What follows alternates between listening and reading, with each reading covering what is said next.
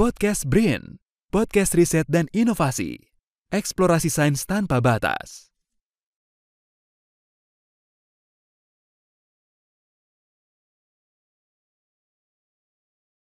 Assalamualaikum warahmatullahi wabarakatuh. Halo kawan Brin, selamat datang dalam podcast Badan Riset dan Inovasi Nasional.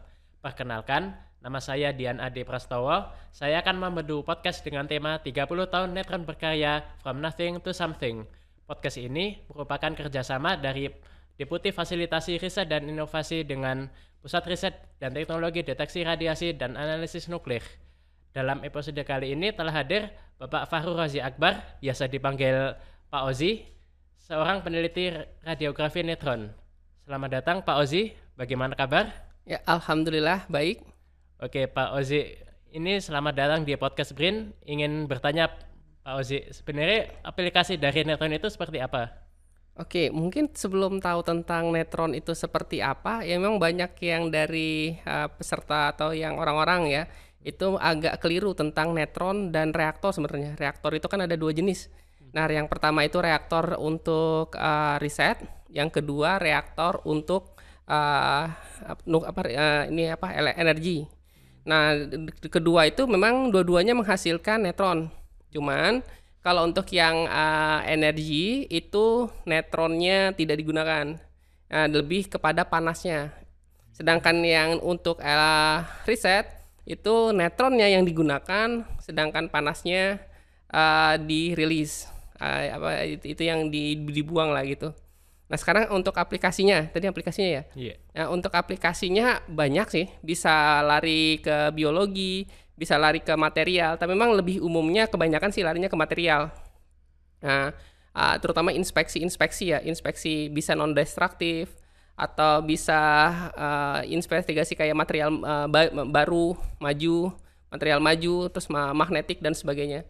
Memang sangat luas tapi memang ininya Ya, memang kalau uh, kalau kita waktu di SMA dulu juga belajar sebenarnya netron itu, tapi uh, hanya sekedar tahu aja kan ada elektron, proton, ada satu lagi netron.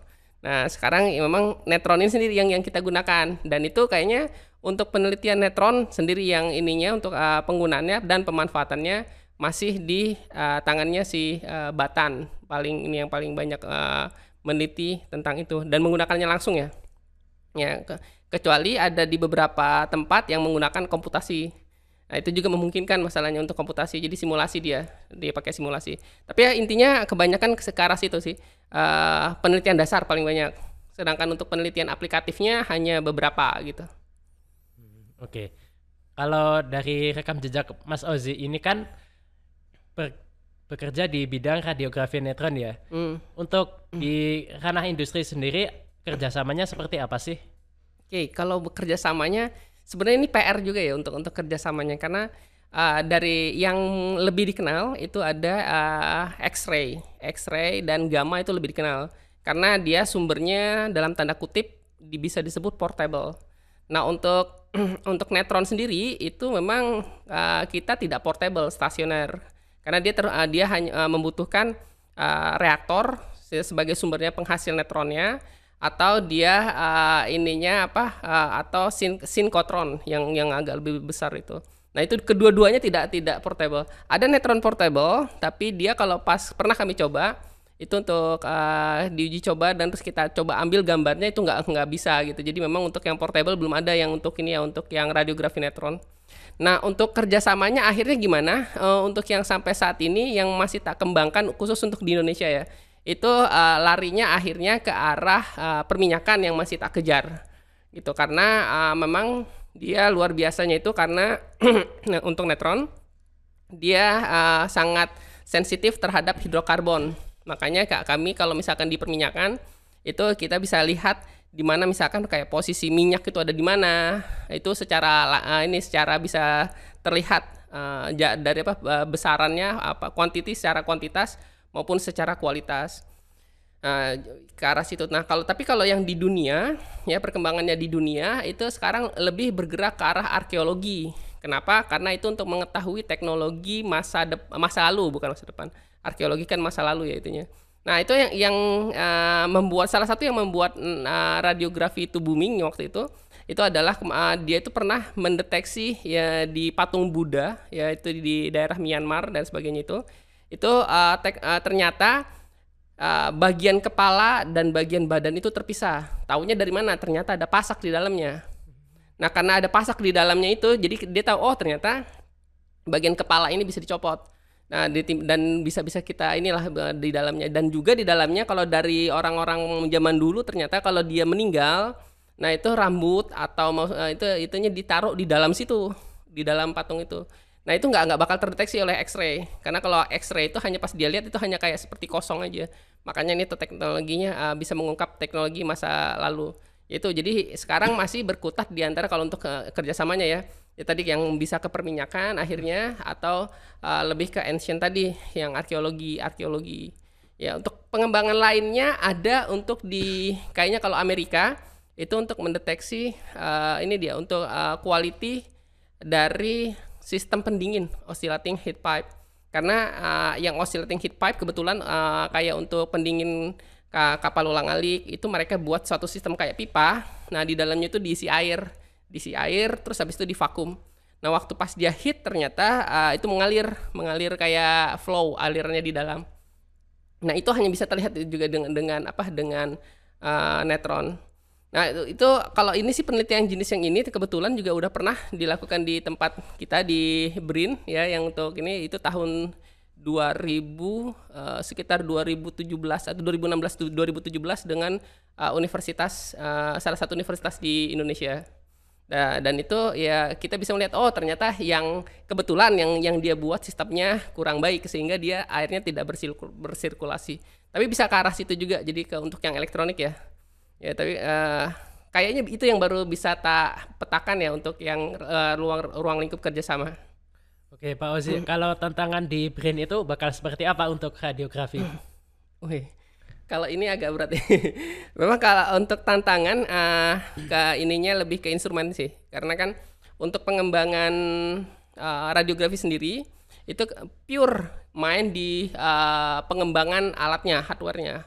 Uh, jadi memang uh, kenapa kalau dari teman-teman sih, teman-teman di Netron itu selalu bilang kalau misalkan peralatan di uh, nuklir ini ya di di uh, Netron atau maupun scattering ya orang lebih kenal dengan scattering kalau di sini karena labnya sendiri namanya kebetulan namanya lab hamburan netron jadi scattering uh, itu kami bilang Lego. Terus uh, di, di, ada yang lagi bilang tanya kok Lego? Kenapa? Kenapa apa yang disusun sebenarnya? Jadi uh, apa yang mau itu akan kembali lagi ke tujuan penelitian sebenarnya. Dan kita akan berusaha men-setting alat itu supaya bisa main di uh, penelitian tersebut mencapai target gitu Nah, makanya itu penelitian itu biasanya ada yang bilang itu uh, kalau sudah tidak bisa menggunakan uh, instrumen lainnya atau cara lainnya itu adalah uh, opsi terakhir untuk me melihat atau me uh, meriset uh, tentang hal yang kita apa inginkan. Makanya dirubah biasanya. Yang dirubah apanya? Bimcupnya jelas nggak? Jadi kan uh, apa itu bimcup? Jadi kalau si di dalam si reaktor tadi, reaktor itu kan dia menghasilkan menghasilkan ini tadi yang tak bilang netron Nah, netron dan panas, panas rilis semua ke udara, si netron ini ngalir dia ke dalam. Nah, di, di itu diarahkan lah, di, dimasukkan ke uh, ini digait dia supaya masuk ke orang chamber. Nah, setelah itu ntar kita kita memanfaatkan itu kan gitu. Nah, tapi kalau uh, intinya kalau misalkan eh, tadi sorry apa itu tentang pengembangannya itu uh? di BRIN bakal seperti apa? Oh ya, itu tadi Uh, sorry lupa. Nah, jadi kalau misalkan untuk yang di Brin itu tadi yang tak bilang kan dia Lego itu ya. Nah, itu akhirnya nanti setelah kita uh, rubah di, di uh, sistemnya Nah, itunya apa? Uh, sinetron itu tetap ada. Nanti kita rubah apa mekaniknya, itu dirubah. Terus tata cara, metodenya, metode untuk pengambilan datanya biasanya dirubah. Misalnya baik dari dari segi ska, apa uh, sudutnya, terus uh, deteksinya, habis itu perhitungannya biasanya kita rubah plus ada hard, main di hardware software biasanya. Jadi softwarenya kadang kala di apa diatur uh, supaya dia bisa ini. Makanya tak bilang uh, instrumennya sendiri itu biasanya dia dinamis. Makanya tak bilang itu Lego. Ditimbang dengan kalau misalkan kita ini uh, dengan Sam itu kan dia berdasarkan SOP. Ada orang masuk uh, ke sana ikutin SOP itu pasti bisa. Nah, sedangkan untuk yang instrumen yang yang jenisnya nuklir itu uh, netron itu uh, belum tentu makanya agak ini ke depan ya mungkin berharap sih memang ke depannya Brin bisa lebih ini ya bisa lebih uh, nangkep tentang perbedaan kondisi-kondisi situasi apa namanya uh, uh, keunikan karakteristik dari tiap-tiap uh, ini apa uh, instrumen itu sih harapan okay. sih. Kalau untuk dalam lima tahun ke depan kira-kira radiografi itu bakal ke arah apa sih? Oke, okay. Untuk sampai saat ini aku masih mainnya itu di uh, perminyakan, masih masih fokus di situ. Kenapa? Karena ada yang memang hal-hal uh, yang baru ketemu nih, baru ketemu matching setelah aku ketemu dengan ada pemilik sampel dari universitas jadi tak lihat oh ini ternyata belum dibahas oleh uh, beberapa bahkan di di dunia. Ini tak uh, sambil tak cek-cek itu. Jadi makanya mungkin lima tahun ke depan bisa, uh, masih aku fokus di perminyakan atau bisa main di uh, geothermal. Nah, tapi memang untuk uh, challenge-nya di geothermal sendiri masih belum ini aku masih uh, apa uh, belum tak petakan, tapi yang sekarang masih fokus di perminyakan. Oke, kalau untuk dalam jangka panjang kira-kira ke mana itu? Iya, yeah jangka panjang itu sama dengan ini lima tahun nggak? Tapi kalau yang jelas aku tetap uh, ke arah sana perminyakan karena kan memang uh, minyak ini uh, masih ini ya walaupun uh, dibilang udah cukup nggak uh, ada hampir susah mereka dapetin uh, ini baru ya uh, ini apa kilang-kilang uh, minyak baru masih main di lama. Nah, memang kebetulan aku sendiri masih dimain di uh, teknologi lamanya. Itu artinya kembali ke kilang-kilang minyak lama. Itu kalau misalkan di perminyakan namanya enhanced oil recovery itu teknik ketiga dari dari challenge ini. Sedangkan uh, untuk yang eksplorasi aku memang masih belum begitu banyak yang ini ya tapi memang udah ada udah ada permintaan itu gitu. Untuk untuk yang eksplorasi. Itu untuk yang kilang-kilang minyak baru. Dan kebetulan kayaknya kemarin sempat ketemu dengan salah satu dengan ESDM ya itunya staff ahlinya. Waktu itu pas ngob pernah ngobrol-ngobrol dia nge-challenge memang. Nah, untuk bisa nggak untuk yang di bagian eksplorasi ini? Kalau misalkan itu bisa kayaknya memang ke depannya luar biasa sih itunya Oh. Harapannya. Kira-kira untuk radiografi itu butuh SDM yang seperti apa sih, Mas? Wah, itu. Untuk SDM ini aku ininya agak berat juga sih karena uh, terus terang ya kalau di Indonesia sendiri nggak ada satupun universitas di Indonesia yang mempelajari khusus untuk itu. Ya, sekelas STTN pun itu nggak nggak mempelajari itu. Makanya uh, untuk yang aku sendiri waktu itu dicemplungin ke radiografi ya uh, sama waktu dulu ada seniorku dulu yang uh, yang megang radiografi pertama kali Pak almarhum Sutiarso itu caranya adalah dengan metode training artinya aku tuh harus training ke uh, beberapa negara ya untuk uh, melatih radiografi Nah, tapi memang aslinya kalau uh, ada yang mau ditekunin ke sini atau enggaknya itu uh, ininya uh, bisa aja mungkin ya, asalkan dia mau tekun aja sih. Sedangkan uh, kualitas uh, ininya sendiri kapasitas seperti apa yang harus dia uh, yang harus kita miliki itu mungkin bisa dari semua background mungkin ya kecuali mungkin nggak sosial nggak tapi mungkin bisa ke uh, uh, apa fisika mungkin ya. Fisika instrumen uh, ya kebetulan aku sendiri basic awalnya itu adalah in, uh, ini uh, instrumen gitu sistem kontrol. Tapi masuk ke situ memang lebih ke fisika. Fisika untuk dia dari uh, teknik nuklirnya sendiri. Nah untuk ininya sendiri itu by practice ya gitu ditambah dengan dengan komunitas-komunitas akhirnya bisa terbentuk gitu. Tapi kalau untuk dari segi uh, untuk dari segi, segi education ya itu pasti nggak ada di Indonesia belum ada ya. Nah siapa tahu ntar Brin ke depan bisa tuh karena dengan ada STTN kan harusnya bisa memasukkan itu memasukkan uh, kurikulum yang untuk yang radiografi khusus netron gitu. Oke kalau untuk kerjasamanya di nasional internasional kira-kira seperti apa Pak Ozi? Oke, untuk uh, nasional aku masih mainnya tadi ya masih di universitas-universitas jelas. Ya, universitas di Indonesia. Terus habis itu ada ESDM segala. Itu udah, udah berapa kali coba penjajakan. Nah, kalau internasional aku main di masih di komunitas ya. Di komunitasnya itu uh, dengan yang model X batan ya, yang model-model batan dan yang peneliti yang apa yang khusus dia untuk nuklir atau sinkotron. Jadi aku masih main di situ ya untuk untuk ke ininya Ya, tapi tapi kalau topik-topik yang dia itu datangnya dari luar negeri itu belum ada sih selain ini selain yang tadi yang uh, national heritage. Gitu tapi memang national heritage tantangan juga masalahnya. Agak agak berat uh, dapetin uh, sampel tersebut. Ya dulu nggak tahu kalau sekarang mungkin harusnya udah nggak karena kan udah udah gabung semua jadi brin kalau dulu tuh susah karena uh, prosedurnya panjang dan habis itu kan memang sampel tersebut kan treatmentnya kan harus tinggi ya karena dia kan uh, ini apa sampel-sampel uh, nasional heritage itu udah budaya budaya kita gitu itu yang agak itu ya agak berat tapi kalau di luar itu kayaknya agak lebih mudah dia dapatnya gitu Eh, ini kalau harapan untuk penelitian radiografi di BRIN itu seperti apa? Oke, ah ini kembali lagi ke ininya sih ke mana Hmm, manajemen. Ah, sekarang kan ada ininya kalau yang radiografi ini kan masih ada di bawahnya satu pusat ya, nah yang PRT Dran. Jadi sekarang pemetaannya itu dan ininya aku kembalikan kepada ini kepada ah, pimpinan. Dia mau seperti apa, memetakannya seperti apa. Ya harapannya sih memang jangan sampai hilang.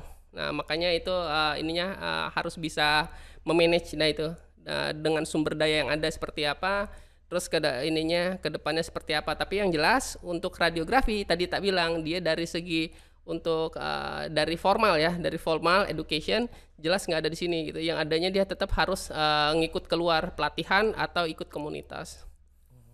Itu yang tak iniin.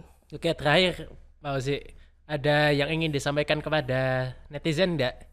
Oke, ah ya sa- untuk selama ah, ini selama saya udah ah, di sini ya sekitar hampir 12 tahun sebenarnya me- meneliti ya di dengan di radiografi netron.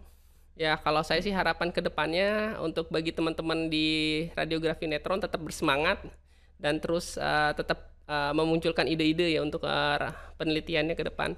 Juga harapannya untuk yang ah, ah, pemangku-pemangku kepentingan ya terutama yang di PRT Dran bisa memetakan atau bisa merencanakan lebih bagus eh, sehingga SDM-nya tetap terjaga terus eh, kualitas untuk yang penelitian-penelitian netron juga jadi semakin maju ke depan itu aja kayaknya yang bisa tak ini Oke, terima kasih Pak Ozi telah hadir dalam podcast BRIN. Baik kawan BRIN, usai sudah podcast kita pada episode kali ini. Semoga bermanfaat untuk kita semua dan sampai jumpa pada episode selanjutnya.